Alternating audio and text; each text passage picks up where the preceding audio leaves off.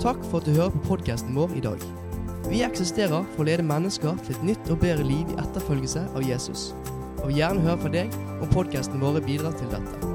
Send inn din historie til respons at saltbergen.no. Hvis du opplever podkastene som berikende for troslivet ditt, så er det også mulig å gi noe tilbake for å hjelpe oss å fortsette å spre Guds ord over hele landet. Gå inn på saltbergen.no for å se hvordan du kan bidra. Takk igjen for at du hører på. Her er ukens budskap. Veldig kjekt å se dere alle sammen på denne altså Folk kaller det høstferie, liksom, men det er jo bare lærere og, og folk under 17, eh, 18 som egentlig har høstferie. Ja, sier de ja. Så vi her framme, vi alle andre som er her i dag, vi har jobba og holdt landet gående. Noen har sikkert vært på en eller annen fjelltopp. Du skjønner liksom når det er høstferie og påskeferie og disse tingene her, fordi det kommer liksom sånn tematiske bilder på Instagram. Og i høstferien så kommer det toppturbilder. Det kommer sikkert an på hvem du har på Instagrammen min, din, men på min Instagram jeg kjenner tydeligvis mange folk som går på fjellet i høsten. Så det har vært stappfullt av liksom stormkjøkken og bål og, og, den slags. Men du har kanskje kost deg i byen denne, denne uka her. Vi er altså inne i serien som heter 'Kjærlighet, sex og varige relasjoner'. Og det eh, vil jeg si er en ganske modig serie. En ganske modig ting å sette på dagsorden. For det er på den ene sida noe som snakkes enormt mye om der ute i populærkulturen og, og i eh, media, eh, men samtidig er det så privat. Og vi liker ikke så veldig godt at folk pirker borti det hos oss. Og Derfor håper jeg at du som har vært her eh, de siste ukene og fulgt denne serien litt, at du opplever at eh, det har tatt litt mer form av en samtale, mer enn et etikkurs. Du ikke opplevde det så veldig belærende, men at du har fått noen input til refleksjoner i ditt eget liv. Det har slått meg i denne, kanskje særlig den debatten eh, rundt den helt forferdelige Hemsedal-saken i august, juli, august, september. Mye offentlig, offentlig debatt um, rundt det, og rundt forståelsen av noe så enkelt som samtykke. Og da forsto jeg hvor lite faktisk det snakkes ordentlig om der ute òg. Sårbarheten, skjørheten som oppstår mellom to mennesker. Kleinheten. Feilene man gjør på noe som er så sårbart. Og det må jeg si har gitt meg en ny fremodighet på å kunne bringe inn en sunn stemme som handler om personlig valg, det handler om grensesetting. Det handler om å knytte det til kjærlighet og forpliktelse. Så litt det har dette handla om. Det handler om å på en måte trekke inn, eh, trekke inn det som vi tror er Guds tanke for menneskene. Guds kjærlighet for oss, og hvordan det kan farge av, på en måte smitte i våre relasjoner. Om det er romantiske relasjoner eller vennskapelige relasjoner. Prinsippene er det samme. Dette er min uh, kristen menighet. Det har du, om, du ikke, om, du ikke, skjønte det før nå, gjennom alle halleluja-sangene, så har du nå blitt informert. Med en kristen forkynnelse så, så det er fokuset for, for forkynnelsen vår innenfor dette temaet.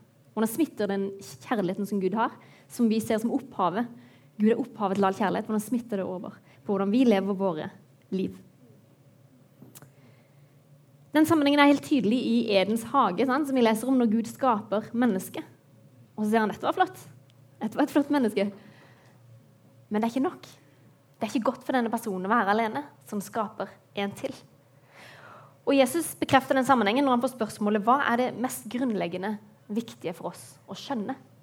Så sier han jo, du skal elske Herren din Gud, og du skal elske de neste som deg sjøl. Vi er skapt av Gud, men vi har en dragning også til andre mennesker.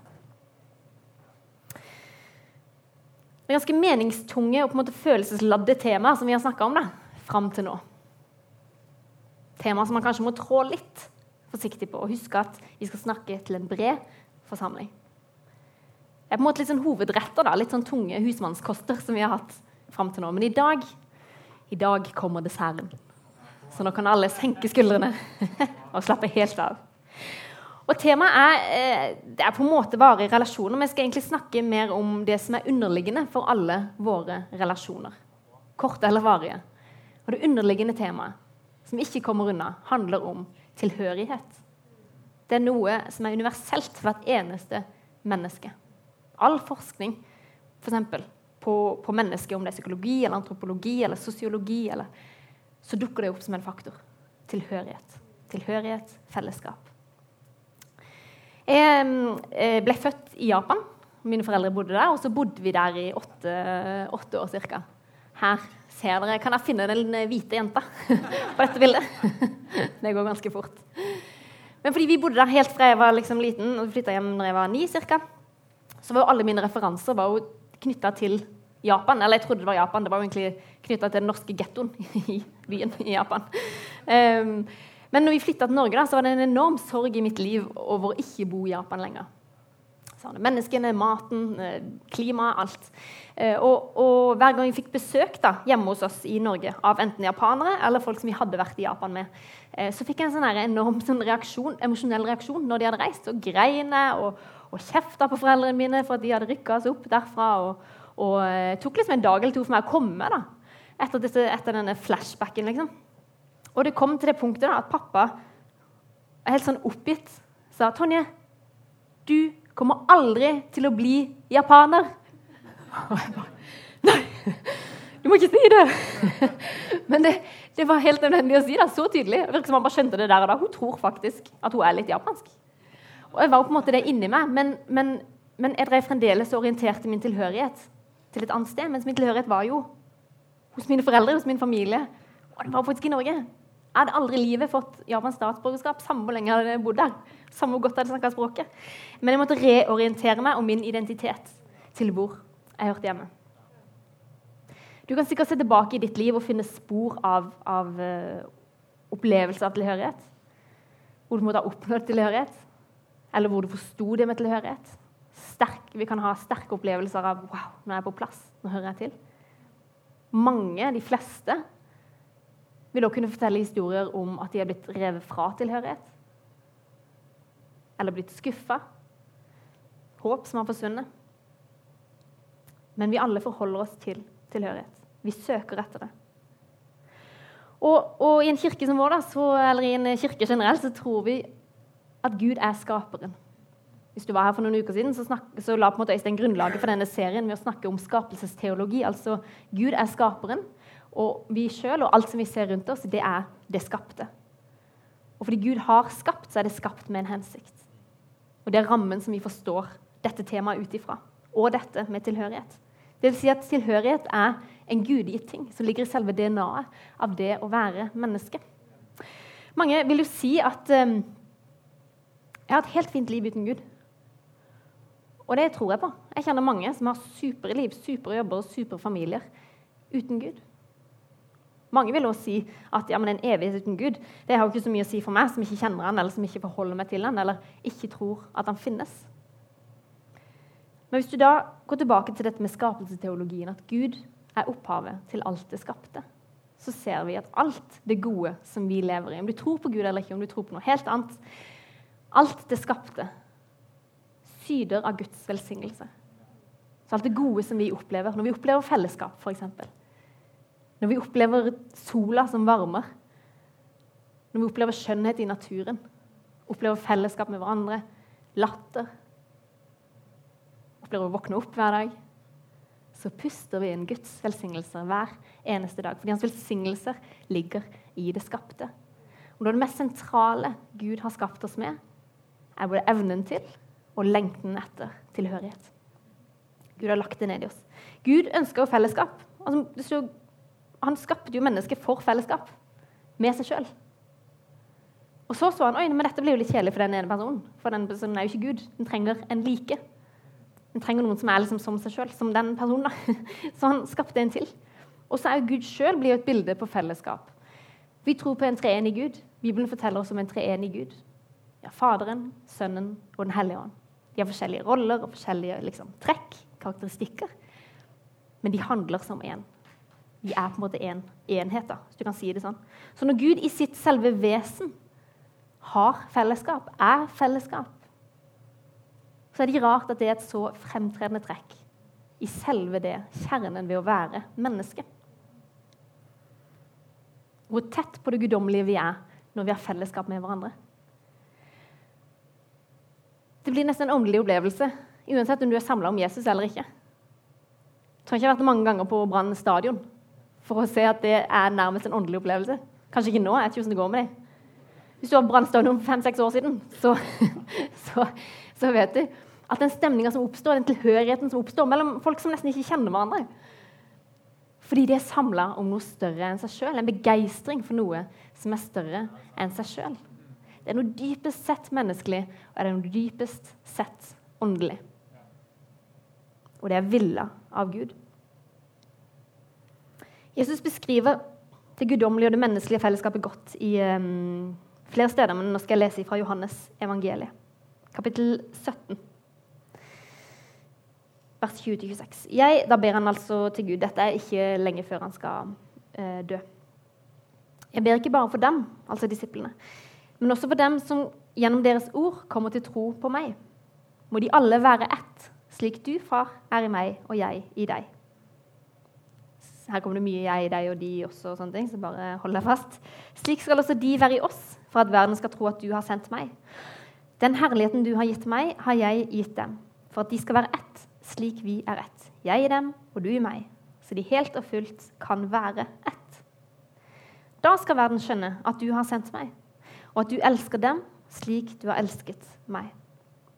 Far, du har gitt meg dem, og jeg vil at de skal være der jeg er, så de får se min herlighet den du har gitt meg, fordi du elsket meg før verdens grunnvoll ble lagt. Rettferdige far, verden kjenner deg ikke, men jeg kjenner deg, og disse vet nå at du har sendt meg. Jeg har gjort ditt navn kjent for dem og skal fortsatt gjøre det, for at den kjærlighet du har hatt til meg, kan være i dem, og jeg selv kan være i dem. Og så kan du tenke det må finnes en lettere måte å fortelle om dette på. Og jeg har tenkt en dag som jeg har skikkelig god tid, å sette opp et slags organisasjonskart over dette verset her, med hvem som hører til hvor, og hvilke piler som går fra hvem til hvem, og hvem som er liksom den begynnende faktoren, hvem er det som mottar effekten. Dette skal jeg gjøre en dag. Kanskje neste preken, så kan du få se den. men, men eh, helt sånn kort oppsummert, det han sier her, er at han og Faderen er ett. Vi kan få være ett med han, og vi alle hører sammen. Hvis Jeg skulle gitt han ett sånn kommunikasjonsråd, så hadde det vært det. Kanskje du bare skal si det sånn. Men det er enhet og tilhørighet Jesus beskriver dette verset. For alle mennesker. Fordi alt menneskelig fellesskap speiler det guddommelige fellesskapet som Gud har med seg sjøl.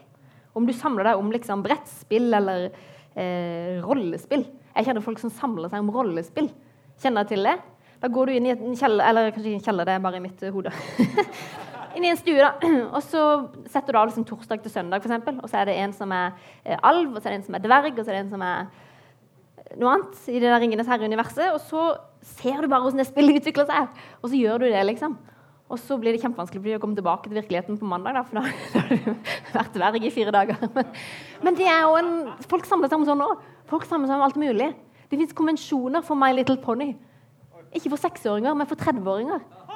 De fleste menn som samler og de sparer. Altså, dette er sånn du lærer hvis du ser på NRK3 på kveldene. Eh, de smaleste dokumentarene finner du der. Og der eh, Folk reiser liksom land og strand. Og, og det var en fyr der på sånn 28 år som hadde sånn spart penger. da, Og lånt av mammaen sin, så han kunne kjøpe seg en sånn litt stor My Little Pony-figur. Som hadde sånn regnbuefarga manke. Og, og, og, det de opplever, er jo tilhørighet. Det er flere som deler denne sære interessen som familien min ler av. Her føler jeg meg hjemme. Vi trenger å samles til noe utafor oss sjøl. Og det har sitt opphav i Guds skapertanke. Men konkret. Og Gud har jo gjort det konkret for oss. Gud har gjort seg sjøl konkret for oss gjennom Jesus. Så tilhørighet for mennesket, det personifiseres i Jesus Kristus. Å kjenne Jesus, det er å erfare tilhørighet. Derfor kan ikke En levende tro kan ikke være teoretisk. Det kan ikke være en fin tanke om et eller annet eller gode verdier. En levende tro handler om en relasjon til Jesus. Å erfare tilhørighet. Mitt første reelle møte med Jesus var, det, var nettopp det, en opplevelse av tilhørighet. Hvor jeg kjente, å ja, som jeg tok, tok steget inn i et hjem, inn i et rom hvor jeg følte meg hjemme. En tro som hadde vært ganske teoretisk fram til da, men som i det øyeblikket ble helt reell. Noen av dere har sikkert hørt om Charlotte Rørt ei dansk journalist har skrevet en bok som heter 'Jeg møtte Jesus'. Da jeg hørte om den, så tenkte jeg mm, jeg tror ikke jeg skal lese. Fordi det hørtes så um, Hva skal jeg si? Veldig sånn gladkristent ut. Skjønner du? Når gladkristne damer skriver gladkristne bøker, da blir jeg sånn Vi får se. Men så fikk jeg anbefalt den av Siri Kalvatn. Når hun anbefaler noe, så leser jeg det uansett. Går her, Siri går her i kirka. Um, og det er en fantastisk bok. For Charlotte Rørt er en, altså en dansk journalist som, som, er godt voksen. Hun er vel rundt 50 når dette skjer. Um, og hun, hun uh, har ingen sånn hun, hun, sier liksom i best fall at hun er en agnostiker. Hun vokste opp i et ateistisk hjem. Um, ikke så veldig nysgjerrig egentlig på noe som helst som har med tro og religion å gjøre. Men på en jobbreise så finner hun seg sjøl uh, eh, sittende på en benk i et kapell i Spania. Og får et møte med Jesus. Ut av det blå. Hun beskriver det sjøl som et helt sånn reelt én-til-én-møte. Det var ikke en tanke, det var ikke en voldsom emosjonell opplevelse av kjærlighet, men det var et syn av en levende Jesus. Hun beskriver det som hun antar er Israel. Hun føler hun reiser i, i liksom, tid og rom og står på en sti i Israel. Og der står Jesus. Og hun sier Og han fikk øye på meg. Som om hun bare tilfeldigvis gikk på den veien. Og så så Jesus henne. Og Boka handler om alle refleksjonene og hennes reise, da, trosreise etter dette. Men det som har brent seg fast i meg, er når hun forteller om dette, om dette møtet med Jesus. Så sier hun det var ikke han, jeg trodde han skulle gi meg et oppdrag eller skulle få en sånn fantastisk utrustning til å gjøre store ting. Men det handla ikke om det. Han så på meg og så så glad ut for at jeg var der. Som om han ville si 'Fint å se deg'. Og det var det. Hvis du tror på Jesus, så har du kanskje den opplevelsen sjøl. I lovsang eller i bønn så kjenner du Guds nærvær. Så tenker du wow, Gud, jeg kan gå til jordens ende for deg. Hva vil du jeg skal gjøre? En naturlig respons for oss. Hva vil du jeg skal gjøre? Hva vil du jeg skal gjøre? For det kommer ut av vår kjærlighet til Gud, og det er helt, eh, helt eh, supert at det er det. Men, men det var ikke hennes første møte med Jesus handla ikke om det. At hun skulle gå og gjøre masse fantastiske greier. Det handler om at hun skulle finne seg sjøl i hans kjærlighet. Og rett og slett få opplevelsen av at han syntes det var godt å se henne. Så fint å se deg. Så bra at du er her. Og det blikket er det som forandrer henne. Det blikket som er fullt av kjærlighet og aksept. Hun, sa, hun sier han så alt. Han så hele meg, og han syntes det var fint å se meg. Og det tror jeg er nøkkelen for oss alle til en levende relasjon med Jesus. La på en måte hjertet vårt finne roen foran Jesus. Du har dine sikkert eh, tider eh, hvor du ber eller leser Bibelen. og sånne ting som det. Eh, og Har man et travelt liv, så må man kanskje være litt sånn kreativ på når man får, når man får lest eller når man får bedt. eller sånne ting som det. Men jeg tror allikevel vi trenger å skjære ut noe tid. da. Vi bare sitter litt i ro. Sitte litt ro. La hjertet falle til ro foran Gud. Og komme dit at vi kjenner at Jesus ikke nødvendigvis kommer og sier ja, nå må du gjøre sånn, så må du gjøre sånn, så må du huske sånn, og så må du ta tak i dette her. Men komme til den plassen hvor vi kjenner Jesus bare ser på deg og sier åh, så godt at du er her. Så godt at du er her. Jeg har en jente på snart tre år. Og jeg lurer litt på for tida når hun får et bevisst forhold til min kjærlighet.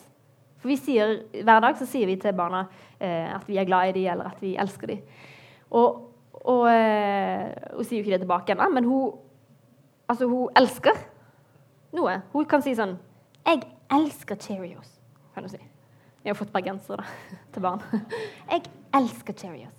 Eller eh, 'Jeg elsker Fantorangen', kan du si. Og så tenker jeg Hva med meg? Som har gitt deg livet. Og Cheerios. Men poenget er jo egentlig ikke at jeg har behov for at hun skal utringe min kjærlighet til meg. Det er egentlig revnende likegyldig for min kjærlighet til henne. Den er, den er, konstant. Men jeg vet at den dagen hun kan si det tilbake til meg, så har hun skjønt hva jeg sier til henne. Den dagen hun sier, har behov for å si 'Mamma, jeg elsker deg', da vet jeg at hun skjønner hva jeg mener når jeg sier at jeg elsker henne. Og det er det jeg gleder meg til. Den dagen hun forstår min kjærlighet og kan uttrykke sin egen. Og Sånn er det med Gud. Han elsker hvert menneske hvert eneste sekund av hver eneste dag. Om de kjenner han eller ikke. Men den dagen de snur seg til han og kan returnere den kjærligheten, det er jo den dagen de har forstått hvor høyt han elsker de. Vi leser i 1. Johannes brev 4,18.: I kjærligheten finnes det ikke frykt.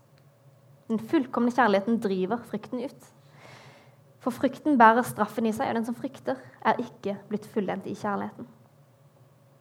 Jesus personifiserer tilhørigheten for oss. Men vi skal jo forholde oss til hverandre, sant? Mesteparten av tida er det jo det vi gjør. Så tilhørighet kan også skapes av oss. Det kan fratas av oss, men det kan også skapes av oss. Og det har jeg lyst til å snakke om litt helt til slutt. Det er grunnleggende viktig for oss å høre til, men samtidig er det så skjørt. Og det er ikke alle som opplever at de har masser av dette i livet sitt. Det er enormt mange som kjenner på ensomhet i Norge i dag. Noen kaller det en ny folkesykdommen. Andre har opplevd å ha det på et punkt i livet, men så skjer det mye greier som gjør at relasjoner blir brutt. Og plutselig opplever de at de er blitt fratatt tilhørigheten som de hadde. Noen opplever det i menighetssammenheng. Et eller annet går skeis, og så plutselig er de på utsida. Og så er det akkurat som liksom gulvet er revet vekk under beina deres. Når vi er i sosiale sammenhenger, så har vi en tendens til å hele tida vurdere på en måte posisjonen vår og innflytelsen vår. Om vi er likt, om vi er akseptert. Det er ganske naturlig å gjøre. Er det som jeg bringer til torgs, er det godt nok? Er det attraktivt nok? Da snakker jeg ikke om utseendemessig, men, men usikkerheten rundt vår person. da. Vår grunnleggende frykt for å bli avvist. For I jakten på tilhørighet og aksept, og nå snakker jeg bare sånn generelt menneskelig, så, så ligger det et sånn sosialt spill som jeg tror kan fjerne oss ifra den sårbarheten som kreves for å skape nærhet. Uten sårbarhet så får du ikke nærhet. Uten ekthet så får du ikke nærhet. Og i jakten på liksom, eh, tilhørighet og, og, aksept så kan vi alle kanskje spille litt. Overdrive litt. Prøve å passe inn i den normen som vi føler fins i det miljøet. Det finnes en måte å være på, snakke på, forholde seg til hverandre på. Kanskje en type humor, kanskje til og med en måte å kle seg på. Som styrker eller reduserer følelsen vår av at vi hører til, av at vi passer inn. Og I frykten vår for å bli avvist så tror jeg de fleste av oss kan spille litt. Og det er nok urealistisk skulle bli kvitt det. Men i kristne sammenhenger så har vi muligheten til å klare å løfte taket litt mer. Klare å gjøre oss sjøl litt mer sårbare. Klare å legge til rette for den ektheten som gjør at folk våger å være sårbare overfor hverandre. Og finne tilhørighet for den som de er, ikke for den de tror at de må være. Våge å stille litt så nakne overfor hverandre rent metaforisk, siden vi har denne tittelen på denne serien. Det var, det var, et dårlig bilde. Men stille oss litt sånn sårbare overfor hverandre. da. Og bli akseptert på det grunnlaget som vi faktisk er. Det krever litt av et miljø. Det krever en god del raushet av alle oss. Det krever at vi skrur opp temperaturen litt i miljøet vårt. Men tenk for et frigjørende miljø det hadde skapt. Og tenk for en motorvei det hadde bana for evangeliet til mennesker som ikke kjenner Jesus. Vi om, Når vi skal fortelle om Jesus og relasjon til han, så sier vi jo ofte eh, du kan bare komme som du er, og Jesus elsker deg uansett. og Ikke tenk på alt du har gjort, og alt som du sliter med. Jesus elsker deg akkurat sånn som du er. Men spørsmålet er jo gjør vi? Gjør vi? Vi kan snakke masse og lenge og flott om hvor høyt Jesus elsker oss, eller de, sånn som de er. Reflekteres det i vår atferd? Reflekteres det i våre relasjoner? Reflekteres det i hvordan vi tar imot mennesker? Som kanskje ikke umiddelbart finner sin plass i et miljø som dette. da. Strekker vi oss? Når jeg var student, så hadde jeg et forbilde. Altså, det har jeg ennå, men, men, dette var en person som hadde så mye av det jeg ville ha da, på omtrent alle områder i livet. Så jeg så veldig opp til denne, til denne personen. Og det, det, gjorde nok at jeg fikk en sånn Dit skal jeg komme. Som egentlig var litt sånn urealistisk. da. Og det, Jeg vet ikke om det egentlig var helt uh, bra da, i lengden. Og jeg vet ikke om den personen plukka det opp, eller hva, men hun begynte å fortelle meg sånne historier hvor hun hadde vært skikkelig sånn uh, teit, liksom. Og gjort feil vurderinger, tatt feil av en situasjon, fått kjeft av noen, en eller annen sjef. Eh, så mitt bilde av denne perfekte personen ble veldig sånn nyansert da, og menneskeliggjort. Og en ting var det at det nyanserte mitt bilde av henne, men, men det nyanserte også mitt bilde av meg sjøl. Og det er en sann lettelse å slippe å tenke at jeg må komme dit. Jeg tenkte OK, vet du, jeg tar det jeg har, og så løper jeg med det. Og så gjør jeg det beste jeg kan. Og nå øver jeg litt på det sjøl, da. For eksempel, sant? Hvis, det er, hvis det blir stille. Noen folk lever ekstremt godt med stillhet i samtaler. Overraskende mange, egentlig. Men noen av oss blir litt stressa og tenker jeg må si noe. Jeg må liksom komme på et eller annet morsomt å fortelle.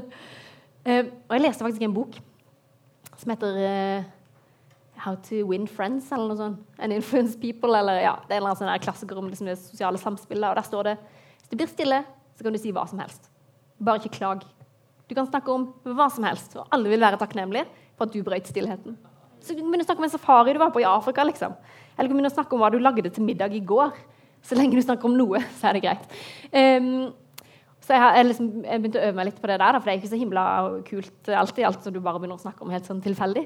Men, men, uh, men poenget er da at mer enn å skulle bevare mitt kule image, så kan jeg ta vare på det som skjer her ute i det sosiale samspillet. Og så kan jeg leve med at okay, det finnes sikkert en kulere måte å svare på, det finnes sikkert mor mer morsomme interessante samtaletemaer eller en, en, gøyere måte å håndtere denne situasjonen på. Men jeg kan leve med at det ikke var så veldig kul akkurat da. Det er selvfølgelig sykt vanskelig for en så kul person som meg å tune ned liksom, Roe ned kulheten, men når jeg har øvd i mange år. Nei, men, men, du vet hvordan det ser ut i ditt liv. sant? Når det koster for deg å ikke fremstille deg sjøl så bra som du vet du kan. Men det koster for deg å ikke være på topp i en sosial sammenheng. Bare gjør det. Bare gå der. Gå inn den kleine døra. Og bare lev. Prøv å leve med det. Jeg tror det gjør, da, at det skaper en raushet, det skaper en romslighet rundt deg som gjør at folk kan slappe av. At de våger å være seg sjøl. At når de er den som sier noe som ikke var så veldig kult, eller sier noe som ingen skjønner, og det blir helt stille, og noen må redde situasjonen, så istedenfor å gå hjem med skam og tenke for en idiot det er, så tenker de OK, denne gangen var det meg. Men der Tonje sa jo noe som var helt på jordet sist gang vi var sammen. Så da har kanskje folk glemt dette. Men det handler om aksept. Det handler om at vi alle bare senker terskelen litt, ikke er så veldig uptight når det gjelder oss sjøl, og heller ikke for andre. Møte hverandre med aksept og med inkludering. Være åpne om ting som vi kanskje egentlig syns er litt kleint, eller som vi kanskje skammer oss litt over. Og møte andre med raushet når de ikke er på topp. Jeg var på en eh, konferanse som handla om arbeidsinkludering. Altså ikke en kristen konferanse, som dere skjønner. Eh, men da var det ei dame som hadde Da hadde vi sittet og hørt på eksperter og fagfolk hele dagen. Og på slutten av den andre dagen så er det ei dame som skal fortelle om sin erfaring om det å være syk, syk og prøve å få seg en jobb. Hun forteller om sin reise da, gjennom hele systemet, gjennom helsevesenet og gjennom eh, Nav og, og, det å få seg en jobb og alt som hun møter på. Da. Hun forteller en gang som hun var tvangsinnlagt. Hun er helt fortvila, og i et sånn innfall så klipper hun av seg alt håret.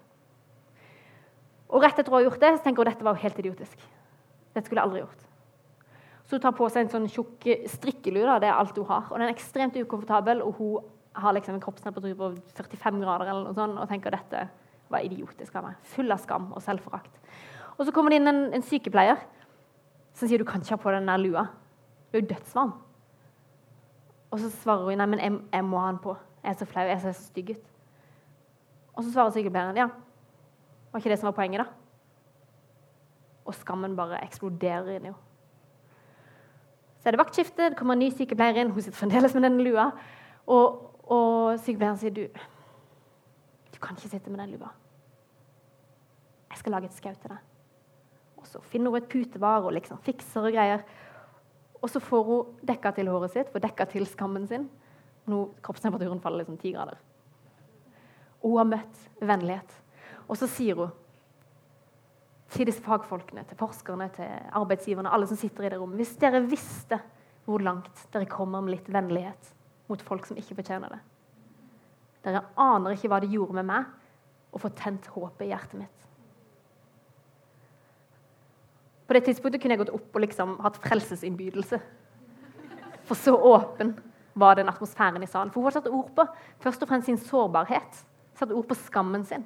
Så langt nede var jeg at jeg i et sånn sprøtt øyeblikk bare klippa av meg alt håret. Og når hun først møter fordømmelse, hva det gjør med henne Men hvor hun så møter nåde. Og at det er det som blir vendepunktet for henne. Nå har hun en vanlig jobb. Er ikke helt frisk, men fungerer godt i sin vanlige jobb. Og Tenk om mennesker kunne treffe oss, da. Både hver for oss og der som vi er i hverdagen. Men også på et sted som dette, når vi er samla. Treffe oss og kjenne at ja, her er det en grunnleggende aksept. Vi trenger ikke like alle personer. Folk er forskjellige. sant? Det er ikke alle vi får superkjemi med. Men de kjenner at her var det godt å være. Her kan jeg slappe av. Her var det takhøyde. Her finner tilhørighet. Vi kunne skape de arenaene og de samtalene som gjorde at de kom i kontakt med det der dypest sett menneskelige og dypest sett åndelige, som er tilhørighet. Det er så hverdagslig, men det er så kraftfullt. Og det er vi som er i dette rommet, som kan skape det. Jeg kan ikke skape det med å bare slenge ut en fin tanke. Det er vi som er i dette rommet, som må se hva det betyr i vår hverdag. Det skaper jeg romslighet rundt meg som gjør at folk kan finne tilhørighet. Det er softwaren i fellesskapet vårt. Det er varmen i samtalene våre. Det er den praktiske omsorgen vår som kan gjøre det. Der kan lovsangsteamet kan komme, skal gå mot avslutning. Jesus sier et sted at kjærligheten det som vi leste, at Kjærligheten i det kristne fellesskapet er det som gjør at folk ser Gud. Han sier de skal se på etterfølgerne mine og skjønne at jeg er sendt av Gud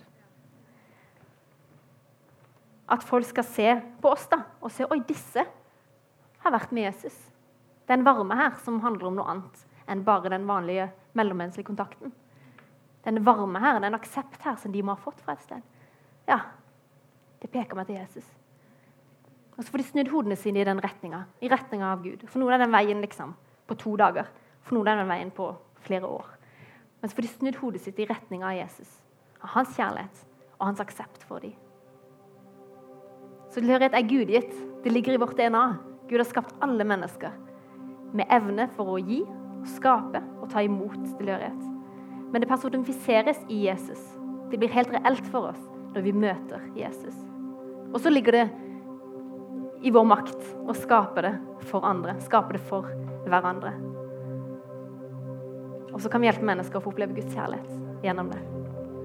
Skal vi be sammen til slutt? Dere kan reise dere opp. Bare rett tanken din og, og, hjertet ditt til Jesus. Så, så, kan du henge deg på det som jeg ber, eller du kan be din egen bønn for hvordan det har traff deg. Jesus, vi takker deg for din fullkomne kjærlighet, Herre. Din perfekte kjærlighet, Jesus. Som ikke handler om at vi er perfekte, men handler om at du har bare valgt å øse den på oss, Herre. Fordi vi er din skapning. Her, takk for at vi dypest sett hører til hos deg, Jesus. Og dypest sett hører vi jo til hos hverandre. Jesus ber om at du leger hjerter, Herre, som har opplevd brutt tilhørighet. Herre, hjerter som lengter etter tilhørighet. Herre, ber om at vi skal få en opplevelse av at vi først og fremst hører til hos deg, Jesus. Vi hører til hos Skaperen. Jesus, gi oss et møte med deg, Herre.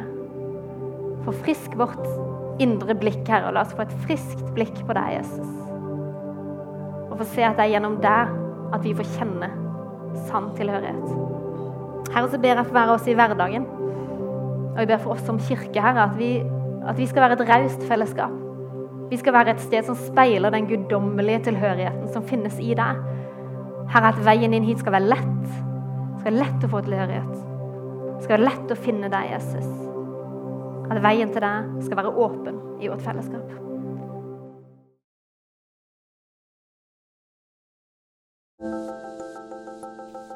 Takk for at du lyttet til podkasten til Salt. For å høre flere, besøk oss på saltbergen.no.